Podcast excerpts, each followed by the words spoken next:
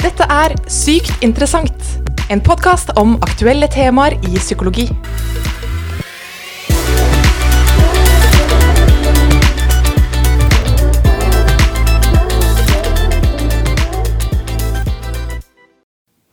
Velkommen til en helt ny episode av Sykt interessant. I dagens episode skal vi snakke om et veldig aktuelt tema, og som mange av oss gjør opp ei mening om for tida, nemlig vaksine. Og da spesielt denne koronavaksina, og kanskje særlig dette med den vaksinemotstanden som vi ser eh, er i samfunnet vårt. Og da fra et psykologisk perspektiv. Og med meg for å snakke nærmere om det, så har jeg invitert kollega Pernille Torp. Velkommen, Pernille. Takk for det. Hei, hei. Hei på deg. Før vi går i gang med dette med vaksiner og hvordan vi tenker at psykologi kan være relevant for akkurat dette temaet, så tror jeg vi først må ta en titt innom den faste spalta vår Sykt personlig.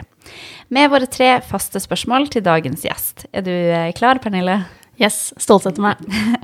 Høres bra ut. Det første spørsmålet er altså hva innen psykologi driver du på med? Eh, Jeg jobber som høyskolelektor på høyskolen eh, og har en master i helsepsykologi. Hva ville du ikke klart deg uten? Det er jo helt klart eh, vaksiner. Nei da. Jeg får vel svare pasta, kanskje? Og det siste spørsmålet som omhandler dagens tema. Når tok du vaksine sist? Du, det må enten ha vært den eh, livmorhalskreftvaksinen, HPV, eller en vaksine i forbindelse med reise. Jeg er litt usikker. Ja, du har tatt en del vaksiner, altså. Det har jeg absolutt. Og før vi går i gang med selve hoveddelen av denne episoden her, så må vi bare nevne at vi, den har et psykologisk ståsted, og at Pernille og jeg har ikke den medisinske kompetansen til å uttale oss om vaksiner. Det vi skal fokusere på i dag, det er selve helseatferden vaksinasjon, og gi et lite innblikk i at det her det er himla komplekst.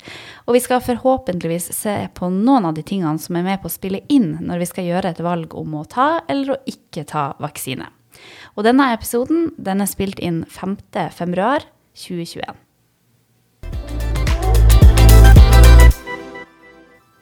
Ok, Pernille. Hva er greia med vaksine? Vaksiner er en av de mest eh, effektive formene for forebygging av smittsomme sykdommer. Eh, Og denne metoden for sykdomsforebygging blir forsvart ved at mange av de infeksjonssykdommene som på 1800-tallet utgjorde de vanligste dødsårsakene i Norge, i dag forekommer veldig, veldig sjeldent. Eh, Verdens helseorganisasjon forklarer at vaksinering forhindrer mellom to til tre millioner dødsfall i året. Og det er jo utelukkende positivt. Ja.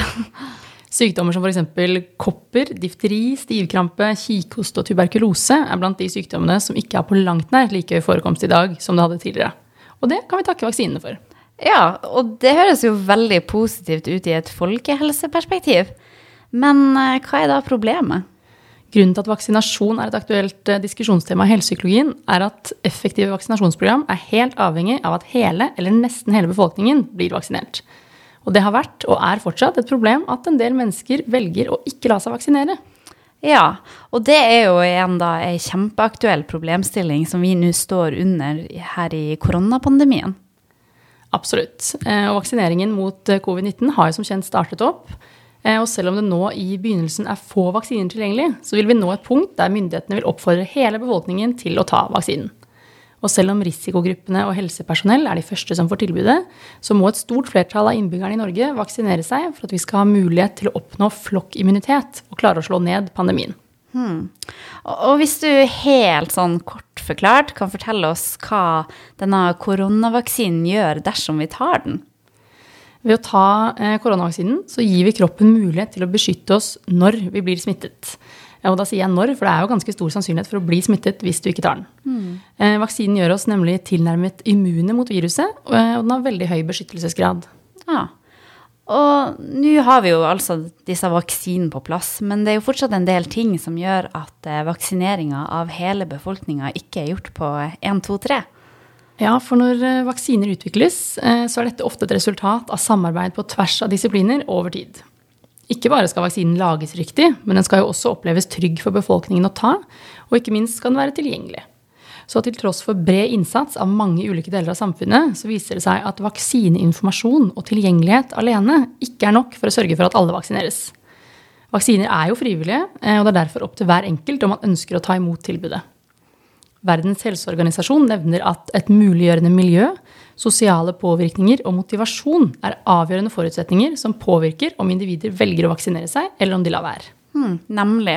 For nå er vi jo nemlig inne på de her ulike faktorene som kan være med på å virke inn på dette valget om å ta vaksine eller ikke. Og hvis vi skal starte med den første faktoren, da, her muliggjørende miljø, hva mener vi egentlig med det? Et uh, muliggjørende miljø kan jo i denne situasjonen være Norges innsats for å gjøre vaksiner tilgjengelig for befolkningen. Uh, og i Norge så er jo de aller fleste vaksiner gratis, og det er vi faktisk veldig heldige med. Mm. Uh, og det er jo med på å minske økonomiske barrierer knyttet til vaksinering.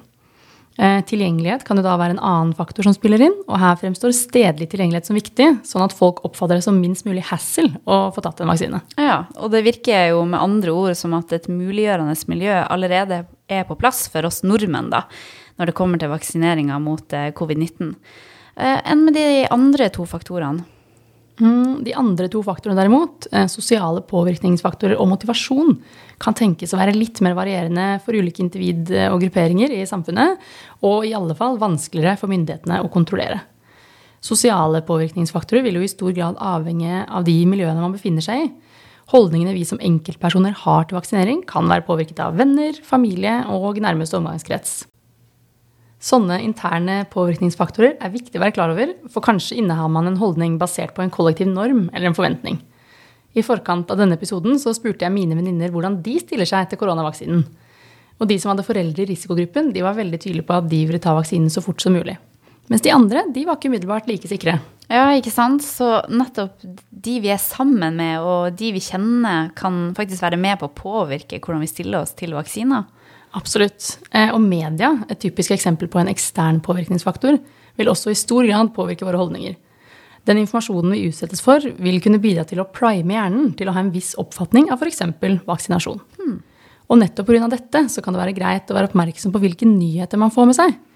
Det vil f.eks. være stor forskjell på nyhetene om covid-19-vaksine på NRK Dagsnytt 18 sammenlignet med en random antivaksinasjonskampanje du ser på Facebook. ja, det tror jeg på. I dag er vi omringet av en rekke ulike medier, og det er stor variasjon i graden av sann informasjon og hva slags informasjon vi får med oss. Dette vil kunne spille en stor rolle i utformingen av menneskers oppfattelse og forståelse av vaksiner. Hmm. Ok, så til nå så har vi vært gjennom det her med et muliggjørende miljø og sosiale påvirkningsfaktorer som da kan være med på å påvirke valget om vi vaksinerer oss eller ikke. Men eh, hva er den siste faktoren, da? Motivasjon nevnes også som en avgjørende faktor. Eh, og som vi kjenner til i psykologiens verden, så er jo motivasjon med på å styre atferden vår.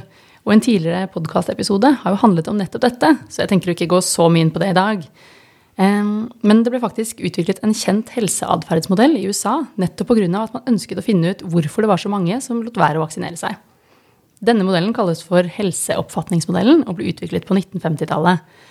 Eh, kort fortalt så hevder teorien at det er to faktorer som virker direkte inn på en beslutning som f.eks. å la seg vaksinere eller andre helserelaterte spørsmål. Og det er én hvorvidt opplevde fordeler er større enn opplevde barrierer, og to, i hvilken grad man opplever sykdommen det vaksineres mot, som en trussel. Hmm. Og her kommer jeg til å tenke på det du nevnte tidligere, Pernille, om at eh, dem vi kjenner, kan være med på å påvirke oss. Ja, det er nettopp det. Eh, og på tross av at dette er en eldre teori, så tenker jeg at den passer godt til å belyse denne problemstillingen. For det kan nemlig virke som at motivasjon for å vaksinere seg, eller det å la være å gjøre det, har sammenheng med sosiale påvirkningsfaktorer. Og dersom man oppfatter alvorlighetsgraden av korona som lav, og samtidig er skeptisk til mulige bivirkninger av en vaksine, så kan det jo tenkes at man er lite motivert til å vaksinere seg. Mm, ja, det er jo egentlig ganske forståelig. Og det bringer oss kanskje videre til et uh, annet viktig perspektiv når det gjelder å vaksinere seg eller ikke. Nemlig dette med en form for fellesskapsfølelse relatert til vaksinasjon. Ja, eh, En artikkel publisert av Dagens Medisin nå i januar forklarte et eh, forskningsprosjekt gjort av Universitetet i Bergen. De fant at måten vi beskriver hvorfor det er viktig å vaksineres på, er viktig for hvorvidt befolkningen ønsker å vaksinere seg eller ikke.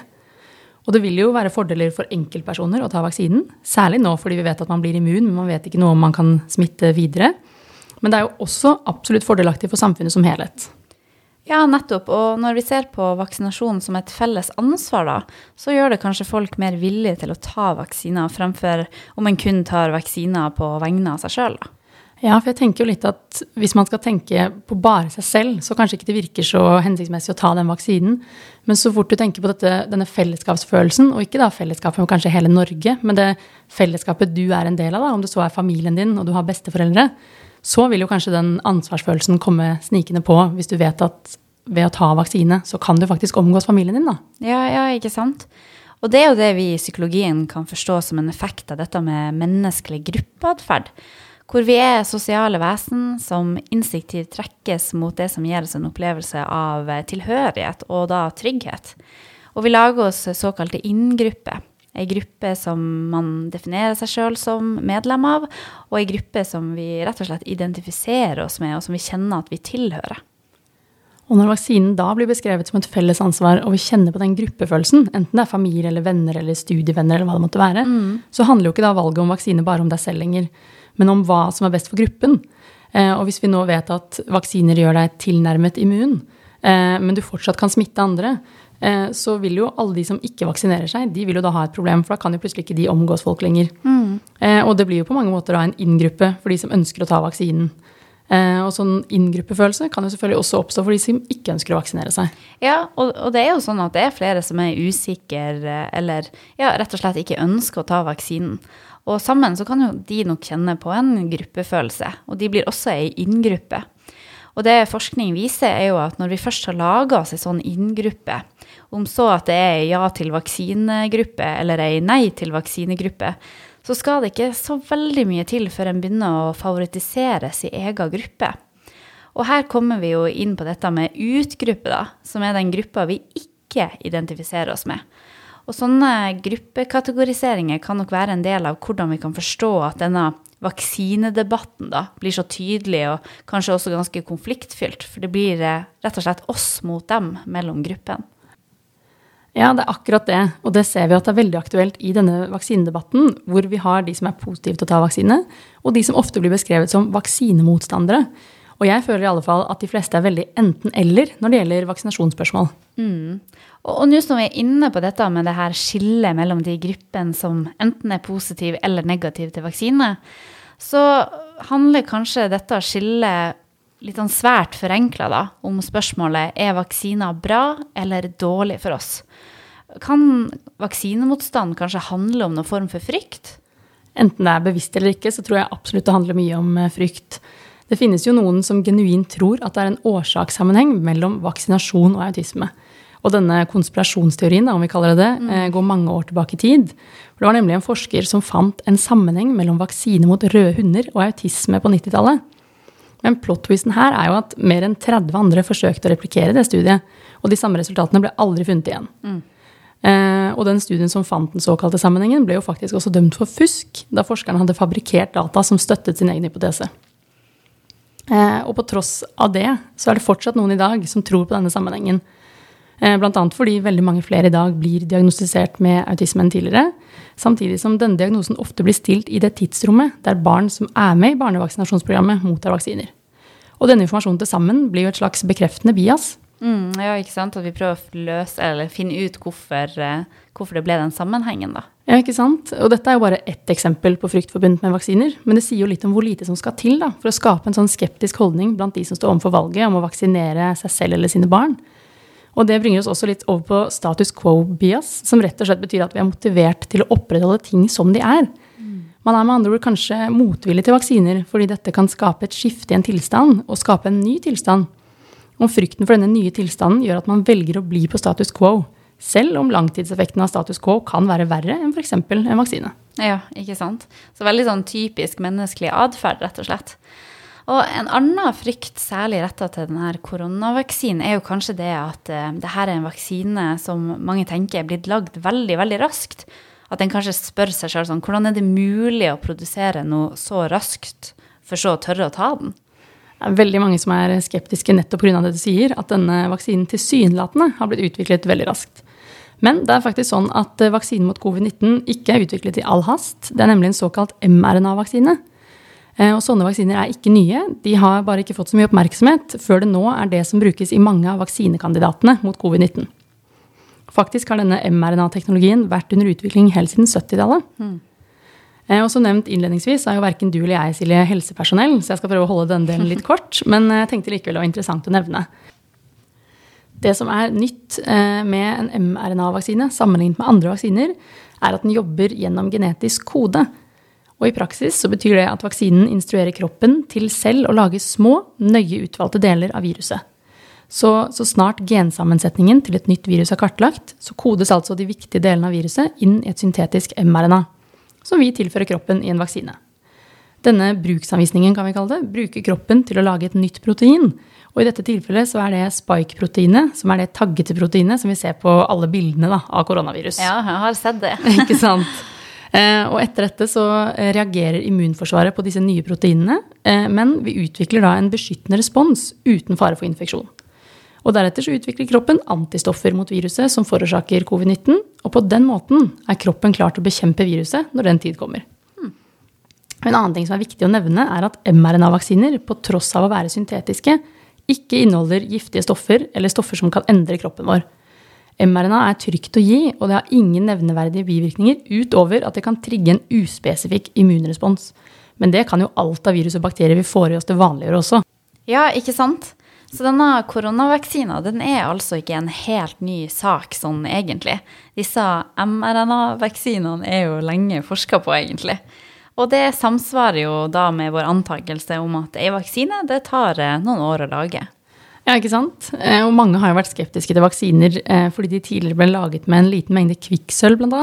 Mm. Men så vidt jeg har forstått, så ble dette fjernet fra norske vaksiner allerede på 90-tallet. Men likevel så er det mange som er skeptiske til vaksiner på grunnlag av dette. Kanskje særlig hvis man allerede har en negativ eller skeptisk innstilling til vaksiner, så blir viten om at de stoffene tidligere var i vaksiner, et slags konfirmerende bias igjen. Mange påstår også at eh, koronavaksiner skal gi mulighet for genetisk endring av egne celler. Men får man en virusinfeksjon, da får man jo fremmed DNA inn i egne celler. Og denne sjansen er mye større enn at en vaksine skal ha lignende effekt. Og for mRNA-vaksiner er dette nærmest usannsynlig. Ja, ikke sant? Høres eh, betryggende ut. Men ja, som vi er inne på nå, så er jo frykt en veldig kraftfull følelse som for mange er med på å påvirke hvordan vi stiller oss til vaksinasjon. Og følelsene våre er jo derfor å rette atferden vår i den ene eller den andre retninga. Enten det gjelder vaksinasjon, eller det å dra på et treningssenter, eller ja, synge en sang fremfor vennegjengen. Nettopp. Og noen spør seg kanskje da kan vi bruke frykt som et virkemiddel for å ta vaksinene. Ja, at vi liksom bruker frykt til vaksinasjonens fordel. Ja, eksempel. Ja, I helsepsykologien så er det jo studert mye på effekten av budskap som baserer seg på å fremme frykt. Og i noen tilfeller så kan fryktkampanjer være effektiv. Eh, Men det kan også slå tilbake og bli en slags sånn strutseeffekt, hvor vi stikker hodet vårt i sanda, og så slipper vi å ta stilling til den ubehagelige informasjonen, i stedet for å kanskje handle mot frykten, da. Og studier viser egentlig at fryktkampanjer det ser ut til å fungere bedre på oss mennesker når vi skal rett og slett fremme passivitet. Sånn som f.eks. nå under pandemien, så har jo myndighetene ønska at vi skal holde oss mest mulig hjemme, f.eks. Og da kan det her fryktbudskapet om hva som kan skje hvis vi ikke holder oss hjemme, være ganske effektivt. Han Høie han har jo flere ganger gitt oss eksempler på liksom, hvis vi ikke skjerper oss nå, så kan det bli sånn og sånn. Da kan fryktkampanjer rett og slett være effektiv. Men om vi ønsker å promotere visse typer handlinger eller atferd, som f.eks. det å ta vaksine, så kan det å bruke frykt rett og slett slå tilbake. For når vi skal promotere en mer aktiv handling, så sier forskninga at det er mer hensiktsmessig å heller tilrettelegge og tydeliggjøre tryggheten i den spesifikke atferden, fremfor å fremme frykt i håp om at det skal gjøre folk mer medvillige da, til å vaksinere seg. Ikke sant? Så det å prøve å skremme folk til å ta vaksinen, det har nok lite for seg. Da virker det rett og slett mer hensiktsmessig å trygge befolkningen på fordelene, og også kvalitetssikringen av vaksinen. Ja, nemlig. Eh, I en podkast som heter Farmapodden, så hørte jeg de snakket litt om hvilke alternativer folk egentlig oppfatter at de har. Eh, Og som vi har vært inne på, så er det jo selvfølgelig et valg om man ønsker eller ikke ønsker å ta vaksinene. Men det er jo faktisk ikke sånn at vi kan velge mellom vaksinen eller det livet vi hadde før pandemien kom i 2019. Nei, ikke sant? Valget er jo egentlig å ta denne vaksinen eller å ha risiko for å få covid-19 med de konsekvensene man vet at sykdommen har. Per i dag så kjenner man jo ikke til veldig mange bivirkninger av vaksinen, annet enn de helt vanlige. Og dette er jo selvfølgelig tidlig å si da vi akkurat har begynt å vaksinere, men vi kjenner jo allerede til mange av konsekvensene av covid-19-viruset allerede. Og disse fremstår i dag som mye verre enn de kjente bivirkningene til vaksinen per nå. Covid-19 vet vi jo at vi selv, eller noen vi er glad i, kan dø av, mens vaksinen nokså sikkert vil redde langt flere liv enn det motsatte. Mm. Sånn som ting er nå, så fremstår jo vaksinen hos, som trygg hos de som har fått den. Det virker med andre ord veldig mye mer logisk å ta vaksinen enn å la være. Ja, og for noen er kanskje dette valget enkelt. Men for andre så er det kanskje ikke så enkelt. Og når man står overfor ei problemstilling, så kan det noen ganger være enklere å la være å gjøre noe. For da slipper man i hvert fall å ta en risiko. Ja, og dette er jo en kjent tankeskjevhet, eller et bias, som vi ofte kaller det i psykologien. Som kan være med på å påvirke hva vi tenker om f.eks. å ta en vaksine. Men det kan også påvirke veldig mange andre ting i livet og i hverdagen vår. Mm, ja, Det handler rett og slett om at det er lettere å ikke ta et valg enn å faktisk ta et vanskelig valg. Og det er jo noe vi ofte kjenner på. Det å f.eks. skulle skifte jobb eller ommøblere eller si fra til noen at noe har opplevd det galt. Da er det nok mange som kan kjenne at det er litt enklere for oss å bare være i den samme gamle jobben, eller ikke ommøblere, eller ja, ikke si noe som helst. Ikke sant? Noen ganger er det rett og slett enklere å stikke hodet i sanden og være en struts. ja, ikke sant. Men samtidig så er det en ganske ugunstig forsvarsstrategi for både strutser og oss mennesker. Om vi aner fare, så kan vi jo prøve å gjemme oss der og da med å putte hodet i sanda og ikke ta et valg. Men det du gjemmer deg for, ser deg jo fortsatt, og utfordringa med korona kommer nok ikke til å endre seg om vi alle skal putte hodene våre i sanda og vente på at det skal gli forbi.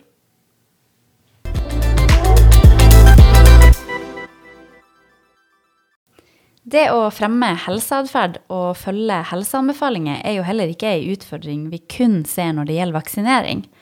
Mange av oss snuser selv om vi vet at vi ikke burde. Vi trener ikke nok, vi spiser kanskje for mye sukker, og vi er kanskje litt vel opphengt i at Vinmonopolet er åpent eller ikke. Så det at ikke alle følger anbefalinger om vaksinasjon, kan nok eh, ses som en del av et mye større bilde av hvor vanskelig det faktisk er å fremme en sånn gjennomgående helseatferd. Ja, det er jo nok et eksempel på den menneskelige kompleksiteten. Og det viser også at valg sjelden er rett frem. Det er veldig sjelden et ja eller et rent nei. Mm. En god ting å ta med seg er jo at smittetallet til covid-19 tidligere i år ble estimert til å være et sted mellom to og tre. Altså at én smittet person smitter mellom to til tre personer. Dersom det tallet stemmer, så skal det da være tilstrekkelig med ca. 70% vaksinasjonsdekning i befolkningen.